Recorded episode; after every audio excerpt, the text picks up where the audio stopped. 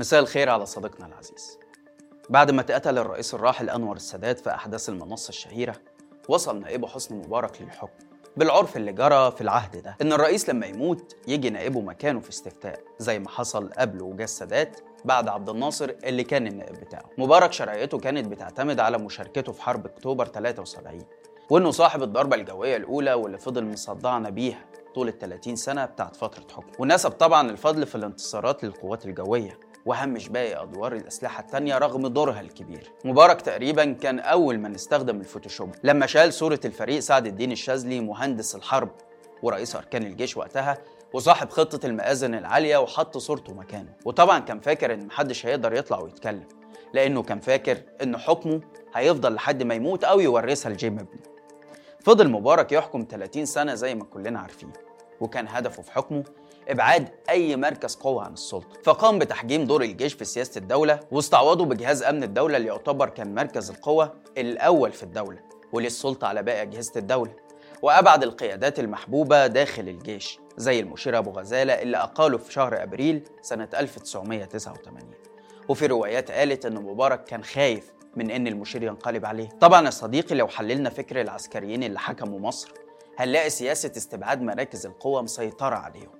زي ما السيسي كده عمل مع شركائه في الانقلاب العسكري في 2013 زي صدقي صبحي وأحمد وصفي ومحمود حجازي عشان يضمن عدم تكوينهم مراكز قوة في مناصبهم وما يكونش في شخص غيره هو المسيطر على الجيش والدولة. نرجع لموضوع مبارك وما تقلقش هنتكلم على السيسي كتير في الحلقة دي. مبارك اللي ظن إنه مسيطر على مفاصل الدولة ومؤسس دولة عميقة في 30 سنة عانت مصر في عهده أمنيا واقتصاديا وحقوقيا.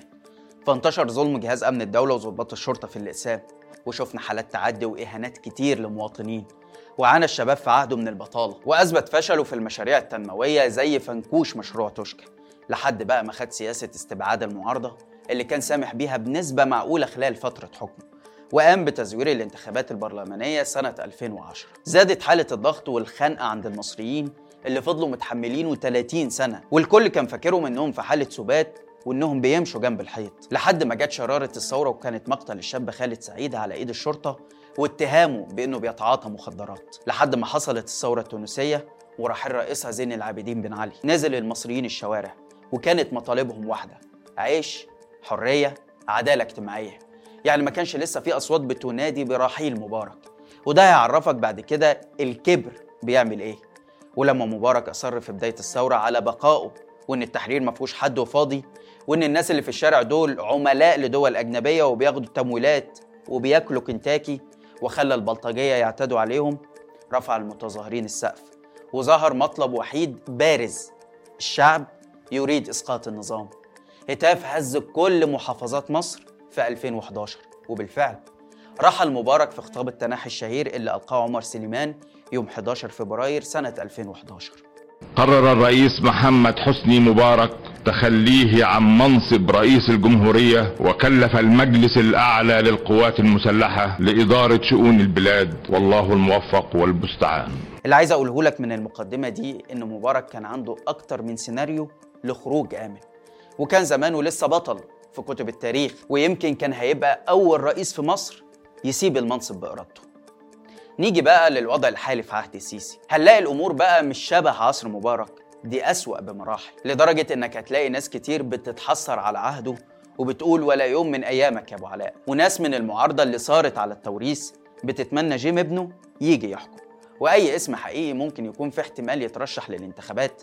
هتلاقي الناس بتقول والله يا ريت. وأي حد حتى لو محمود حجازي العسكري هيكون أرحم. طيب هل يرحل السيسي عن الحكم ويلحق نفسه ويخرج خروج آمن؟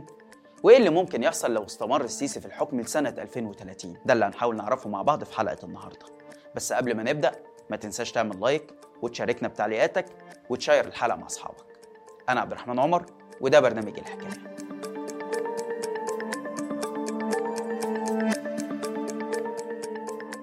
إحنا علشان نعيش وناكل ونشرب بنسأل نفسينا معانا كام؟ اللي معاه عيل واتنين عشان يعلمه بكرة مش لاقي يعلمه مفيش. حضرتك هيقول لي بنخرج من المدرسة اشتغل واصرف على نفسك.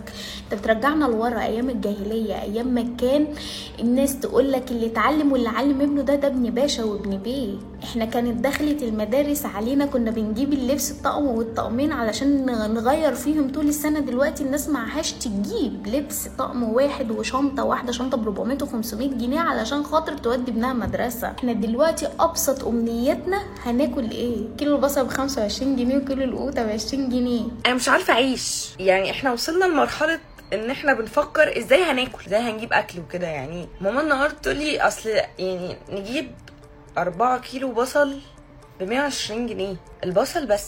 أنا بقى مش بتكلم عن الخروج والفسح واللبس والحاجات الحلوة اللي المفروض إن إحنا نعيشها برضو على فكرة يعني إحنا المفروض نعيشها. لا إحنا أصبح مش عارفين نعيش اللي هي العيشة العادية. ال basics ما بقتش يعني ال basics بقت صعبة. الأكل والشرب. جماعة وبعدين؟ يعني هو المفروض إيه اللي هيحصل؟ الناس اللي بتشتغل وبتقبض مرتبات 2000 ونص و3 ودي ناس أنا أعرفها وموجودة بجد.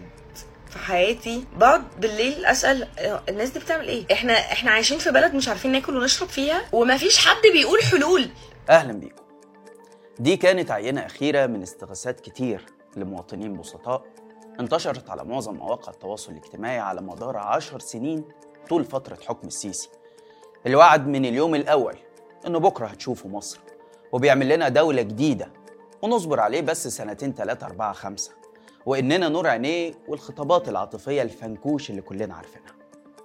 طبعا أنتوا عارفين إننا داخلين على انتخابات رئاسية وكلها ثلاث شهور بالظبط وهتبدأ عملية الاقتراع زي ما أعلنت الهيئة العليا للانتخابات اللي معينها السيسي واللي قدمت موعد الانتخابات الرئاسية اللي كانت مقرر تتعمل سنة 2024 وأنا هنا في الحلقة دي مش هكلمك على شكل الانتخابات ولا شكل المرشحين ونسبة فوزهم لأننا بالتحليل المنطقي هنلاقي إن السيسي تقريبا شبه حاسم الانتخابات من قبل ما يدخلها ما لم تحدث مفاجأة غير متوقعة وتحركات من جهات سيادية. هو أنتوا فاكرين؟ أنتوا فاكرين أنا حاسبها يعني ولا حاجة ولا إيه؟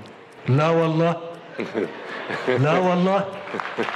هكلمك في الحلقة دي يا صديقي العزيز عن شكل مصر لو فاز السيسي في الانتخابات الرئاسية كما هو متوقع وبقى رئيس لحد 2030 وده طبعا مش عشان شعبيته الجارفة وحب الناس لا. عشان إجراءاته الأمنية المشددة على البلد اللي كلنا شايفين إنها مش بتسمح بطرح أي أسماء حقيقية بديلة لكرسي الحكم. وعشان اللي عايز يعرف المستقبل لازم يتعلم ويدرس الماضي. عشان ما يجيش الأستاذ أحمد موسى يضحك علينا ويفهمنا إن اللي جاي أفضل. وإن مصر خلاص عدت من عنق الزجاجة. ونكتشف بعد كده إنها عدتها فعلا بس لتحت. بعد ما اتحشرت في الزجاجة والحل الوحيد دلوقتي عشان تخرج إننا نكسر الزجاجة كلها. مصر في عهد السيسي يا صديقي العزيز بتعيش أسوأ فترة في تاريخها الحديث على جميع المستويات سياسيا واقتصاديا وامنيا وحقوقيا. مكانتها تراجعت لورا آلاف الخطوات. حقوقها في حدودها بتتباع. نهر النيل اللي بيمثل شريان الحياة فيها على مدار تاريخها بقى في خطر. بعد ما إثيوبيا أكملت المرحلة الرابعة من سد النهضة ومش عارفين ناخد معاهم حق ولا باطل بسبب اتفاقية المبادئ اللي وقعها السيسي في 2015 خلينا كده مثلا نشوف الملف الحقوقي في عهد السيسي. مصر شهدت أسوأ عقد في مجال حقوق الإنسان. ده عنوان تقرير نشرته وكالة فرانس بريس شهر يونيو اللي فات. واللي قالت فيه إن العقد الأخير من 2013 ل 2023 هو أسوأ حقبة لحقوق الإنسان في تاريخ مصر.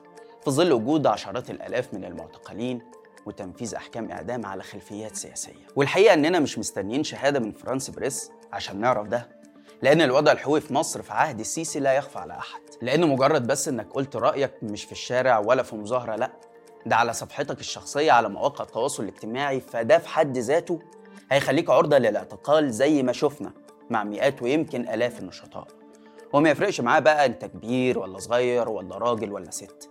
وطبعا مع أي دعوة للتظاهر أو لوقفة احتجاجية بتلاقي آلاف المدرعات وعناصر الشرطة والجيش مالين الشوارع عشان يقمعوها ويعتقلوا المشاركين. وحتى لو ما اتكلمتش ورفعت علم فلسطين في المدرجات.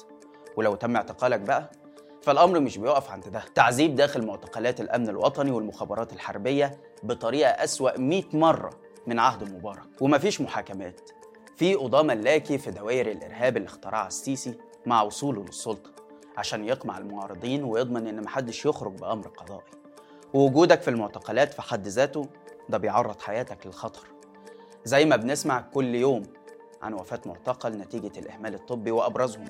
كان الرئيس مرسي الله يرحمه اللي مات في المعتقل والنظام ما عملش أي اعتبار لسنه ولا لكونه في يوم من الأيام كان رئيس مصر ولا حتى عامله واحد في المية من المعاملة اللي كان بيحظى بيها الرئيس المخلوع حسني مبارك أيام ما كان بيتحاكم في قضايا الفساد وقتل المتظاهرين بعد الثورة. وطبعا الاعتقالات دي مش بس للإخوان ولا للتيار الإسلامي والليبرالي المعارض دي تشمل أي حد بيشكل تهديد على كرسي السيسي. حتى لو كنت من الجيش وليك مكانة فيه زي ما حصل مع الفريق سامي عنان رئيس أركان الجيش السابق والعميد أحمد قنصوة اللي كانوا عايزين يترشحوا للانتخابات لمواجهة السيسي. آلاف الإعدامات السياسية تم تنفيذها في عهد السيسي بحق المعارضين. والملف ده بالذات السيسي ما عندوش فيه أي تهاون أو وساطات خارجية. وده اللي خلى أمريكا تمنع معونات عن مصر أكتر من مرة آخرها كان من كام يوم. لما واشنطن قالت إنها هتمنع معونات عسكرية بقيمة 85 مليون دولار بسبب سجل النظام السيء في ملف حقوق الإنسان. ده شكل الحريات في عهد السيسي.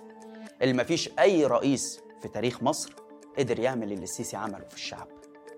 نيجي بقى للملف السياسي. وده هنلاقي فيه قطب واحد وهو النظام. مفيش أي أحزاب معارضة حقيقية تقدر تمارس دورها. وطبعا لأن السيسي لا يسمح بأي أحزاب أو حركات سياسية تنتقده. وطبعا السيسي فاكر كده إنه بيأمن حكمه. لكن العكس في دراسة نشرها مركز بومد أو مشروع الديمقراطية في الشرق الأوسط سنة 2021 قالت إن الدكتاتوريات الشخصية مثل السيسي أكثر عرضة للانتفاضات الجماهيرية أو ضغوط أخرى من أسفل منها لانشقاقات النخبة لأن من غير المرجح أن ينقلب عليه أنصاره الأساسيون في غياب معارضة شعبية كبيرة. لكنها قالت برضو أنه إذا أجبر السيسي في النهاية على ترك الرئاسة فمن المحتمل أن يحدث مثل هذا التطور من خلال التعبئة الجماهيرية التي تدفع كبار ضباط الجيش إلى التخلي عنه في مواجهة المعارضة الشعبية المتزايدة وذلك كما حدث في عام 2011 مع مبارك. نيجي بقى لملفات مصر السيادية. طبعا مش محتاجين نتكلم عنها كتير لأننا قلناها قبل كده في أكتر من حلقة. بس الخلاصة إن في عهد السيسي مصر فقدت دورها الإقليمي لصالح دول تانية زي الإمارات والسعودية. اللي بقت بتدير ملفات في المنطقة كانت حكرا على مصر في السابق زي موضوع القضية الفلسطينية. وتقدروا ترجعوا لحلقات أطماع الإمارات في مصر اتكلمنا فيها بشكل مفصل عن الموضوع ده. طبعا ده غير الكارثة الأكبر جزيرة تيران وصنافير اللي السيسي قبض ثمنهم من السعودية وتخلى عنهم بمنتهى السهولة. فخطوة برضو لم يجرؤ أحد الرؤساء السابقين لمصر على التفكير بس فيها. وملف سد النهضة اللي السيسي كان مفهمنا إنه مشتري طيارات رافال من فرنسا اللي هي بيتم تزويدها بالوقود في الجو عشان خاطر هيضرب السد. وطبعا طلع فنكوش وربنا يسترها بجد على الأجيال اللي جاية اللي هتعاني عشان تلاقي المية. عندك بقى صديقي العزيز ملف الفساد وده حدث ولا حرج. الفساد في عهد السيسي بقى ما فيهوش كسوف زي زمان أيام الرؤساء الخجولة اللي كانت بتتكسف من الشعب. من أول بقى فضيحة الاصول الرئاسية اللي بيبنيها السيسي واللي طلع كشفها المقاول محمد علي في 2019 ويمكن ما كناش هنسمع عنها إلا لو واحد من اللي شغالين معاه انشق عنه وطبعا السيسي بكل بجاحة طلع وقال لك أيوه أنا ببني قصور وهبني. هي عشاني دي عشان مصر. طب يا سيدي مصدقينك إنها علشان مصر. رايح ليه بقى تنحت صورك على جدران القصور دي؟ واتكلفت كام اللوحات والقصور دي؟ وهل بلد شعبها بيعاني اقتصاديا؟ مش لاقي الأكل ولا شبابها عارف يتجوز ولا يفتحوا بيوت في حاجة لقصور رئاسية؟ يعني لو واحد منهم قابل صاحبه السعودي ولا الأمريكي هيعايره مثلا ويقول له يا اللي بلدكم ما فيهاش اصول رئاسية؟ ملفات الفساد اللي في عهد السيسي لا تنتهي. وأكبر من إننا نتكلم عنها في حلقة واحدة. عندك بقى فساد وزراء وأبنائهم. وفساد الجيش وسيطرته على السوق وأشخاص بعينها واخدة حصانة وفوق كل الدولة زي العرجاني ومحمود ابن السيسي وقرايبه واللي اتكلمنا عنها في حلقة فساد عائلة السيسي. طبعا ده غير فضيحة طيارة زامبيا. وعشان الفساد في عهد السيسي عدى الحدود فطبيعي نلاقي سيناتور أمريكي متهم بتلقي رشاوي من نظام السيسي. وده بعد ما اتهم مكتب المدعي العام في ولاية منهاتن الأمريكية النائب الديمقراطي روبرت مندينيز وزوجته.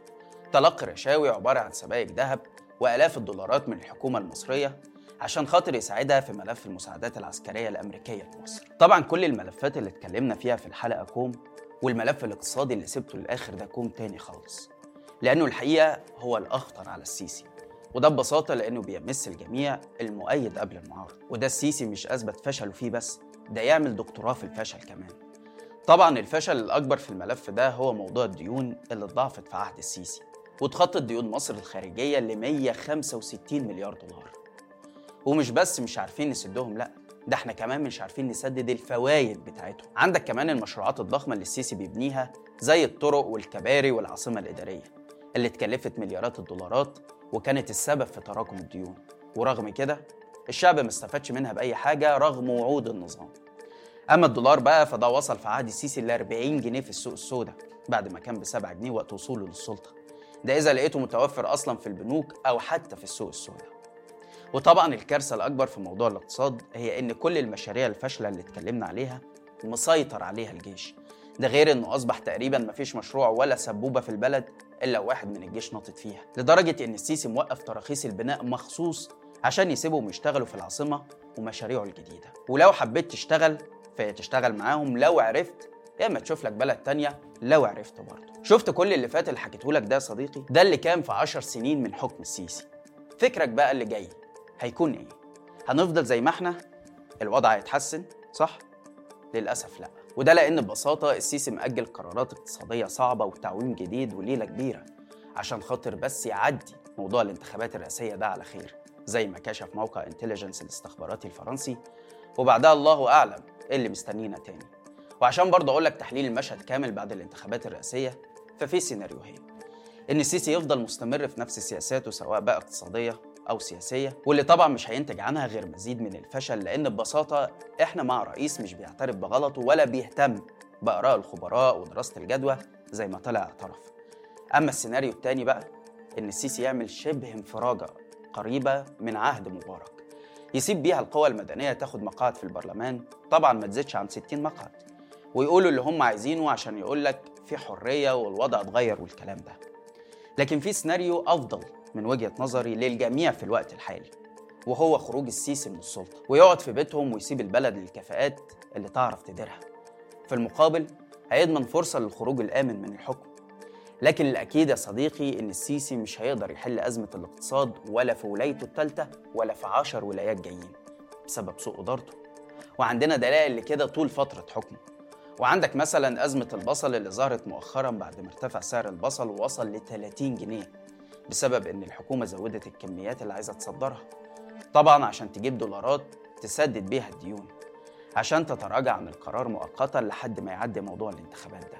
ولو بصينا برضو على أسعار هواتف آيفون الجديدة اللي سعرها وصل ل 100 ألف جنيه يعني بسعر عربية من كام سنة بس رغم إن سعرها في أمريكا 1200 دولار يعني 37 ألف جنيه بسعر السوق الرسمي. وده يعرفنا سعر الدولار الحقيقي في مصر واللي هيوصل له بعد الانتخابات. حل البلد اقتصاديا في عهد السيسي بيعبر عنها فيديو سرقة البطاطس اللي انتشر من كام يوم واللي بيدي انذار بصور الجياع في المستقبل القريب؟ لأن نوعية الفيديوهات دي ما كناش بنشوفها غير في الأفلام. في النهاية حابب أقول لك إن النظام اللي فضل يضحك علينا عشر سنين متواصلة ويدي في وعود وفي الآخر يكذب ويقول لك ما وعدتكوش بالسمن والعسل ده نظام فاقد للثقة والمصداقية عند الشعب. ولو قالك استنى لبكرة بس وشوف ما تصدقوش. وأنا بالمناسبة هو أنا وعدتكم فأخلفتكم؟ هو أنا قلت لكم معايا السمن والعسل بقدمه لكم بس كده لحد هنا والحلقة خلصت. شارك الحلقة لو عجبتك وتابع حساب شباك وحسابي على الانستجرام هتلاقي اللينك في الوصف. واستنانا كل يوم اثنين وجمعة الساعة 8 بالليل بتوقيت القاهرة في حلقة جديدة من برنامج إيه الحكاية؟ سلام.